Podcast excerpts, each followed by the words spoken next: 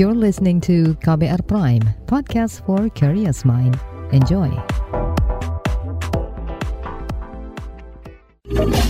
Kamu lagi dengerin What's Trending KBR Pagi. KBR Pagi, siaran pagi radio paling update. Saya Reski Mesanto siap untuk menjadi teman Anda pagi hari ini. Dan tentunya selamat datang di What's Trending. Pagi ini di What's Trending kita akan membahas tentang beli minyak goreng pakai aplikasi. Ini sebetulnya bikin mudah atau justru bikin ribet? Karena kan kalau kita bicara tentang pagi hari, yang paling enak itu memang minum kopi atau minum teh, terus ditemenin sama gorengan. Entah itu tahu goreng atau pisang goreng. Tapi minyaknya gimana ya? Masalah mahalnya minyak goreng ini kan berlarut-larut emang bikin pusing dan capek khususnya buat para ibu-ibu. Kali ini pemerintah lewat Kementerian Koordinator Bidang Kemaritiman dan Investasi atau Kemenko Marves mengumumkan pembelian minyak goreng curah harus menggunakan aplikasi Peduli Lindungi. Kalau masyarakat belum punya aplikasinya, bisa menggunakan nomor induk kependudukan atau NIK. Dalinya nih, pembelian menggunakan peduli lindungi atau NIK ini supaya lebih akuntabel dan bisa terpantau mulai dari produsen hingga konsumen. Menko Marves Lut Bin Sarpanjaitan mengatakan masa sosialisasi sudah dimulai sejak 27 Juni kemarin dan akan berlangsung selama dua pekan ke depan. Setelah masa sosialisasi, masyarakat diwajibkan menggunakan peduli lindungi atau NIK untuk mendapatkan minyak goreng curah rakyat atau MGCR dengan harga Rp14.000 per liter atau Rp15.500 per kilogramnya. Nah, untuk memastikan sistem sosialisasi ini berjalan dan masyarakat benar-benar terinformasi, Luhut telah membentuk Task Force yang berfungsi sebagai tim penyebar luasan informasi terkait transisi sistem baru kepada masyarakat. Tim ini nantinya akan menyediakan berbagai saluran informasi untuk melayani pertanyaan ataupun keluhan yang muncul dari masyarakat terkait pembelian MGCR. Seperti biasa, sebelum kita lanjut lagi ngebahas hal ini, saya mau ajak Anda dulu untuk mendengarkan opini dan komentar dari netizen plus 62 berikut ini.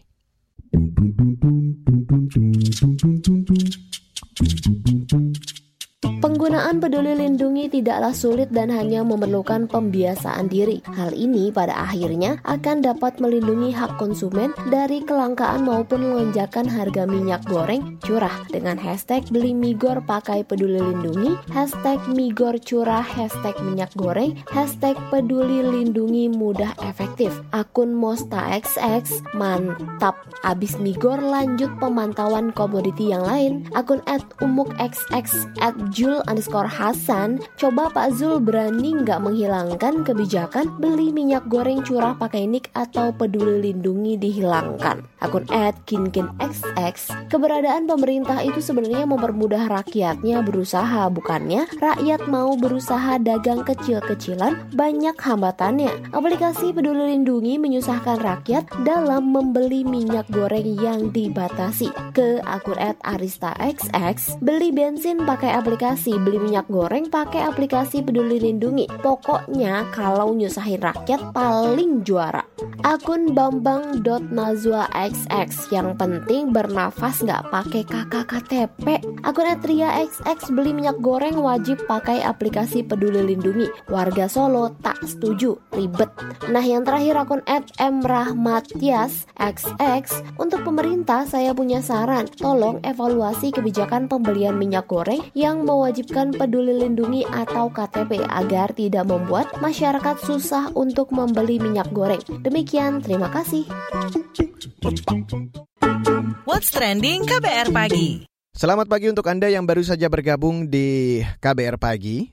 Anda masih di What's Trending bareng saya Reski Mesanto. Kita lagi ngebahas tentang beli minyak goreng pakai aplikasi. Apakah ini bikin mudah atau ribet? Jadi Menteri Koordinator Bidang Kemaritiman dan Investasi Luhut Binsar Panjaitan mengakui perubahan kebijakan mengenai minyak goreng ini memerlukan waktu adaptasi. Namun dia optimis dengan pembatasan pembelian hingga 10 liter per NIK mampu memenuhi kebutuhan minyak masyarakat umum. Berikut penjelasan Menko Luhut melalui Instagramnya 25 Juli yang lalu.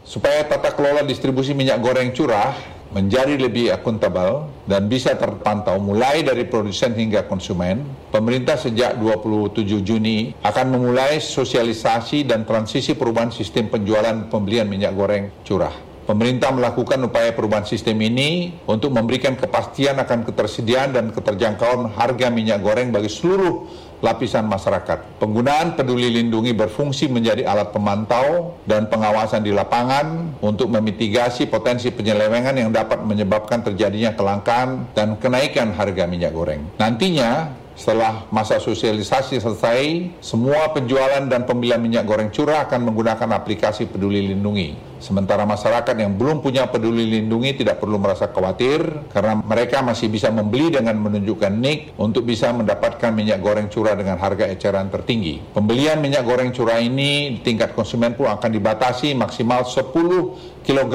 untuk satu nik perharinya dan dijamin bisa diperoleh dengan harga eceran tertinggi yaitu 14.000 per liter atau 15.500 rupiah per kilogram. Jumlah tersebut kami anggap sudah mencukupi untuk kebutuhan rumah tangga bahkan usaha-usaha kecil. Minyak goreng curah dengan harga tersebut bisa diperoleh di penjual dan pengecer yang terdaftar resmi dengan program Simirah 2 dan juga melalui pelaku usaha jasa logistik dan eceran yaitu warung pangan dan gurih. Saya ingin nantinya distribusi bisa dipastikan berjalan hingga ke level terbawah. Jangan sampai masih ada daerah yang tidak mendapatkan minyak goreng curah, rakyat di bawah kebutuhannya. Tapi ini semua masih akan membutuhkan waktu. Jadi kita juga perlu bersabar untuk menunggu hasilnya. Semua ini merupakan upaya bersama dari kementerian dan lembaga terkait untuk mengurai masalah minyak goreng. Pada tahap awal tentu saja akan membutuhkan penyesuaian, tapi saya ingin meyakinkan masyarakat pasti akan cepat beradaptasi dengan sistem baru ini. Karena tujuannya adalah untuk kebaikan bersama. Dan kami memantau secara detail semua gerakan-gerakan ini.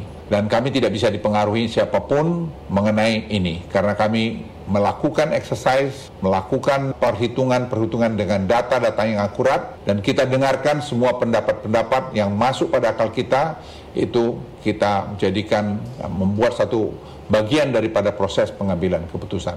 Dan menanggapi kebijakan ini, anggota Komisi Perdagangan DPR RI Herman Hairon menilai penggunaan aplikasi Peduli Lindungi untuk minyak goreng curah tidaklah efektif. Menurut Herman, sistem jual beli minyak menggunakan Peduli Lindungi dan NIK tidak sesuai dengan kondisi perdagangan di Indonesia dan dianggap menyusahkan masyarakat. Ini dia penuturannya. Jangan mempersulit rakyat lah dengan berbagai syarat. Beli minyak masa pakai syarat, nanti beli beras pakai syarat, beli apa pakai syarat. Jangan karena negara kemudian memberikan kemudahan kepada rakyat, rakyat dipersyaratkan. Yang dipersyaratkan itu semestinya ya bagi mereka-mereka itu yang meraup keuntungan terbesar ya dipersyaratkan. Jadi bagi rakyat menurut saya jangan dipersulit lah, biarkan gitu rakyat. Gunakan aja DMO, DPO, gunakan HED di situ. Biarkan rakyat menikmati harga murah karena itu ditanam di tanah air kita. Jadi ironis ya bagi kita, kita sebagai produsen CPO terbesar dunia, bahkan sekarang pandan buah segar rakyat, sawit rakyat, ini sedang jatuh harganya.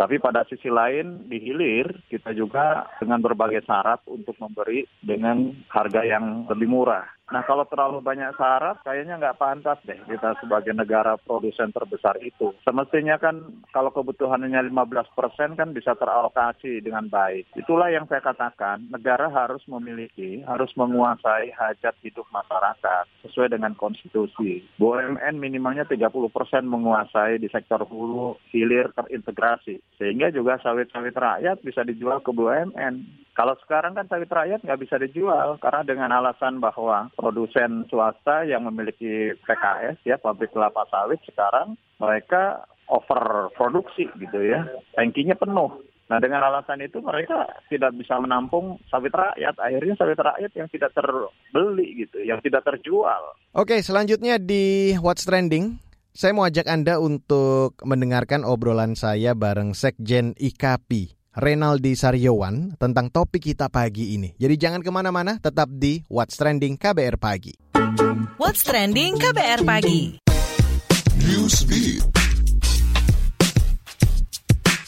Pandemi COVID-19 dan kebijakan penguncian wilayah sebabkan kenaikan penggunaan ganja di dunia. Perserikatan Bangsa-Bangsa mencatat ada sekitar 209 juta orang di dunia yang menggunakan ganja selama pandemi. Lamanya periode lockdown atau penguncian wilayah menjadi pemicu utama kenaikan jumlah penggunaan ganja sejak 2020. Selain kenaikan penggunaan ganja, kematian akibat konsumsi narkoba juga meningkat hingga lebih dari 100 ribu orang.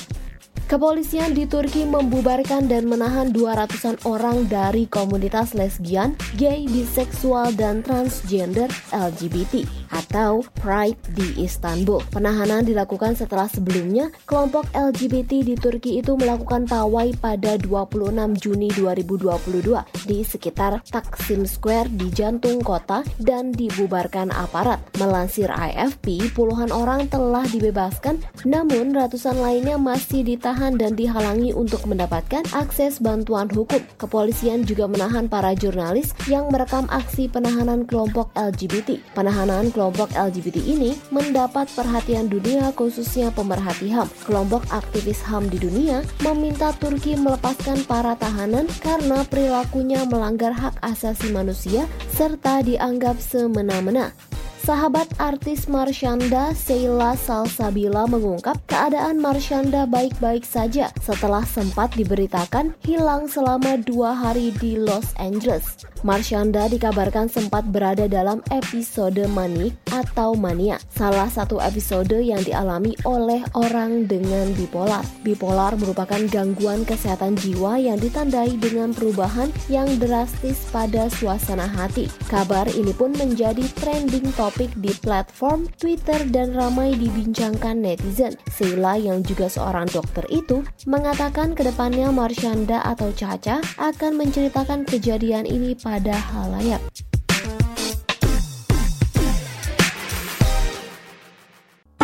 What's Trending KBR Pagi KBR Pagi, siaran pagi radio paling update. Anda masih di What's Trending KBR Pagi. Hari ini tanggal 29 Juni 2022. Saudara Ikatan Pedagang Pasar Indonesia atau IKAPI menyoroti berubah-ubahnya kebijakan mengenai minyak goreng curah di Indonesia. Sekjen IKAPI, Renaldi Saryawan menilai kebijakan pemerintah tidak konsisten dan menyusahkan pedagang serta masyarakat karena selalu berubah-ubah. Untuk membahasnya, saya ajak Anda untuk langsung mendengarkan obrolan saya bareng Sekjen IKAPI, Renaldi Saryawan. Oke, selamat pagi. Apa tanggapan IKAPI soal kebijakan pembelian minyak goreng curah dengan peduli lindungi dan NIK?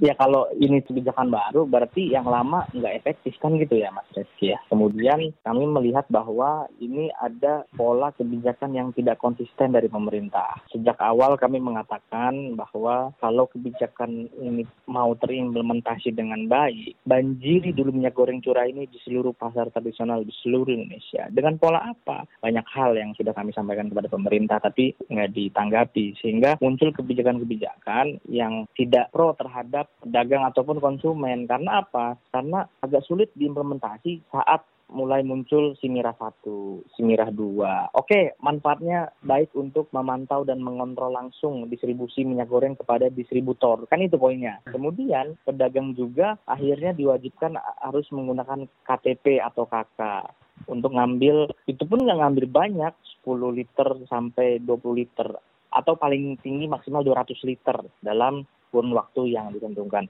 Kemudian akhir dibuat lagi scanning barcode melalui peduli lindungi. Saya kira ketidakkonsistenan inilah yang membuat akhirnya ini kebijakan sudah nggak tepat gitu. Kenapa kami bilang nggak tepat? Yang pertama, pedagang sudah sulit untuk mencari pelanggan atau untuk mencari konsumen untuk beli minyak goreng dengan harga yang ditetapkan pemerintah itu satu. Yang kedua, belum tentu ada masyarakat kita yang ke pasar bawa gawainya. Kalau bawa KTP mungkin iya ada, tiba-tiba nggak bawa gawai, akhirnya nggak bisa beli minyak goreng, nggak masak. Sebelumnya kan ada program minyak goreng curah rakyat, dia pakai aplikasi juga. Nah, Anda melihat ada perbedaannya nggak? Inilah kabar baru pukul 8 waktu Indonesia Barat.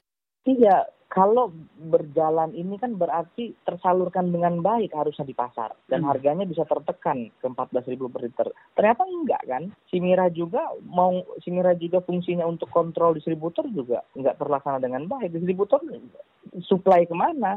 Sementara di pasar harganya masih relatif lebih tinggi di atas 14.000. Hmm. Artinya kami bisa bilang menggunakan aplikasi pun untuk mengontrol distributor dan lain sebagainya juga belum efektif oke efektif di tingkat produsen tahu ternyata sudah didistribusi ke A, B, C, D. Tapi ke pasar kan belum, Mas. Harganya masih di atas 14 ribu. Berarti masih ada jalur tengah yang berusaha untuk memainkan ini dalam tanda kutip ini harga. Saya kira harus semuanya kolaborasi, komunikasi supaya bisa tepat. Baru kita buat kebijakan. Jangan dibalik. Kira-kira kesulitannya apa aja nih?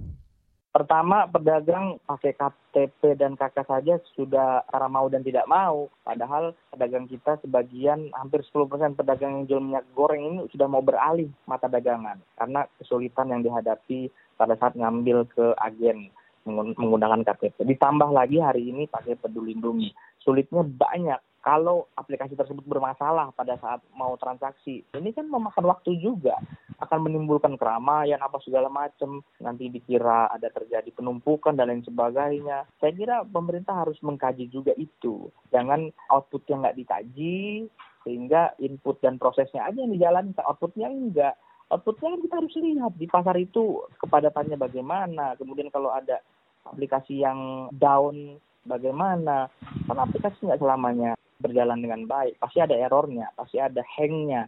Kemudian masyarakat kita juga yang belum tentu ada internetnya kan itu kan harus pakai internet menggunakan peduli lindungi kalau enggak kan nggak bisa. Pertanyaan saya embok-embok kemudian emak-emak yang datang ke pasar nggak bawa HP dan nggak ada internet ini nggak bisa beli minyak goreng. Padahal itu hak kita untuk mendapatkan e, minyak goreng atau bahan pokok atau bahan pokok penting. Kalau bicara tentang wilayah luar Jawa Gimana dengan pengaplikasiannya di daerah luar Pulau Jawa?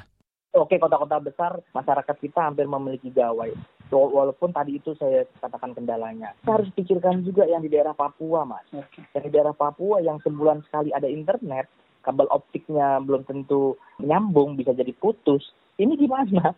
Berarti masyarakat di daerah Papua sana nggak bisa mendapatkan hak untuk membeli minyak goreng. Kan itu yang harus dikaji pemerintah. Maka kami minta untuk dikaji ulang penerapan ini supaya bisa terimplementasi dengan baik. Kalau mau kita sosialisasikan secara masif, kita edukasi secara masif, poin-poinnya di daerah mana aja yang harus kita dorong ini supaya bisa terimplementasi. Daerah-daerah tertentu seperti Jabodetabek katakanlah yang konsumsinya tinggi, ini kan kita bisa upayakan sosialisasi dulu terlebih dahulu. Tapi kalau pemerintah paksa harus segera dipakai aplikasi ini, saya kira berat. Dan ada kita akan dihadapkan langsung oleh konsumen. Konsumen pasti kabur karena nggak bawa handphone. Ya udahlah saya beli ke tempat lain aja. Akhirnya bergeser pola konsumsinya. Oke, terima kasih. Itu tadi Sekjen Ikatan Pedagang Pasar Indonesia atau IKAPI, Reynaldi Sariawan. What's Trending KBR Pagi? Commercial Break. Commercial Break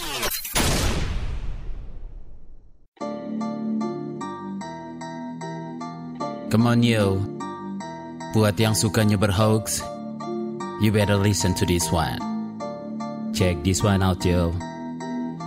Hati-hati kalau baca kabar hoax. Jangan langsung disebar kabar yang hoax. Kalau mau tahu kabar benar atau hoax, dengerin cek fakta yang pasti bukan hoax. Dengerinnya setiap Senin yang jelas bukan hoax. Cuma ada di kbrprime.id dan aplikasi podcast lainnya. Hoax. Sudah cukup-cukup hoaxnya? Hoax. Cukup. Jaga emosi, tahan jari, verifikasi sebelum dibagi. Saya Aribo Sasmito, Ketua Komite Pemeriksa Fakta Mafindo. KBR Prime, podcast for curious mind. What's trending KBR pagi?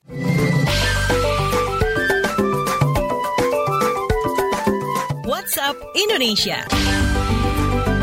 WhatsApp Indonesia kita mulai dari Gresik, Jawa Timur. Kementerian Pemberdayaan Perempuan dan Perlindungan Anak Kemen PPPA mendorong aparat kepolisian untuk memproses dan menuntaskan kasus pelecehan seksual terhadap anak di Gresik, Jawa Timur. Sebelumnya, viral video seorang pria mencium anak kecil di depan toko di Desa Mriyunan, Kecamatan Sidayu, Gresik. Kapolres Gresik AKBP Muhammad Nur Aziz dikabarkan telah mengamankan pelaku berinisial inisial B, warga Kenjeran, Surabaya yang merupakan calon guru di sebuah pondok pesantren. Modus tersangka adalah membeli bensin dan melakukan tindak pencabulan sebanyak dua kali di dalam dan luar toko. Deputi Perlindungan Khusus Anak Kemen PPPA Nahar menegaskan pihak kepolisian tidak perlu ragu untuk melakukan penyelidikan terhadap kasus tersebut. Pasalnya pelecehan seksual fisik terhadap anak bukan merupakan delik aduan yang diatur dalam Undang-Undang TPKS pasal 7. Maka pelaku terancam sanksi pidana dalam pasal 82 Undang-Undang Nomor 17 Tahun 2016 dengan hukuman penjara minimal 5 tahun dan maksimal 15 tahun dan atau denda maksimal 5 miliar rupiah. Mampir Jakarta pada konferensi pers di Pendopo Balai Kota DKI Jakarta 27 Juni 2022. Kepala Kantor Wilayah Badan Pertahanan Nasional K Kanwil BPN DKI Jakarta Dwi Budi Martono menyatakan perubahan 22 nama jalan di ibu kota tidak mempengaruhi atau berkaitan dengan hak atas tanah di wilayah DKI Jakarta. Menurutnya sertifikat tanah yang ada saat ini masih berlaku. Meskipun begitu, masyarakat dapat mengubah sertifikat dan menyesuaikan alamatnya dengan perubahan nama jalan yang ada. Diklaim seluruh jajaran Kanwil BPN, Provinsi DKI Jakarta telah diinstruksikan memberikan pelayanan perubahan sertifikat secara gratis. Terakhir menuju Sumatera Selatan, Gubernur Sumatera Selatan Haji Herman Deru menganggap Liga Persatuan Merpati Kolongan Nusantara PMKN sebagai daya tarik wisata di wilayah Palembang. Ajang yang baru pertama kali diadakan secara nasional ini dinilai memiliki para penggemarnya di Indonesia sebab Merpati terkenal dengan kesetiaannya kepada pasangannya. Herman mengatakan ajang yang dimulai pada 26 Juni ini ke depannya akan masuk kalender event nasional nasional. Meski begitu, dia melihat perlu perbaikan dan perapihan penyelenggaraan acara ini. Total pesertanya 1000 orang berasal dari 10 provinsi dan 20 kabupaten atau kota se-Indonesia. Pertandingan berlangsung tiga hari dengan kategori yang dipertandingkan yaitu kategori ketangkasan dan jenis burung merpati tinggi kolong. PMKN merupakan wadah berkumpul para penghobi merpati termasuk para penjual dan pembeli untuk sharing dan berbagi pengetahuan tentang burung merpati dari seluruh wilayah Indonesia. Demikian WhatsApp Indonesia hari ini. Demikian kabar pagi untuk hari ini edisi 29 Juni 2022. Terima kasih untuk Anda yang sudah bergabung pagi hari ini. Kalau Anda tertinggal siaran pagi hari ini Anda kembali bisa mendengarkannya di What's Trending KBR Pagi ada di Spotify, KBR Prime, Apple Podcast dan tentunya platform lain tempat Anda mendengarkan podcast. Selamat beraktivitas dan ingat selalu patuhi protokol kesehatan di mana pun Anda berada. Saya Reski Mesanto undur diri. Salam. Terima kasih ya sudah dengerin What's Trending KBR Pagi. KBR Prime, cara asik mendengar berita. KBR Prime, podcast for curious mind.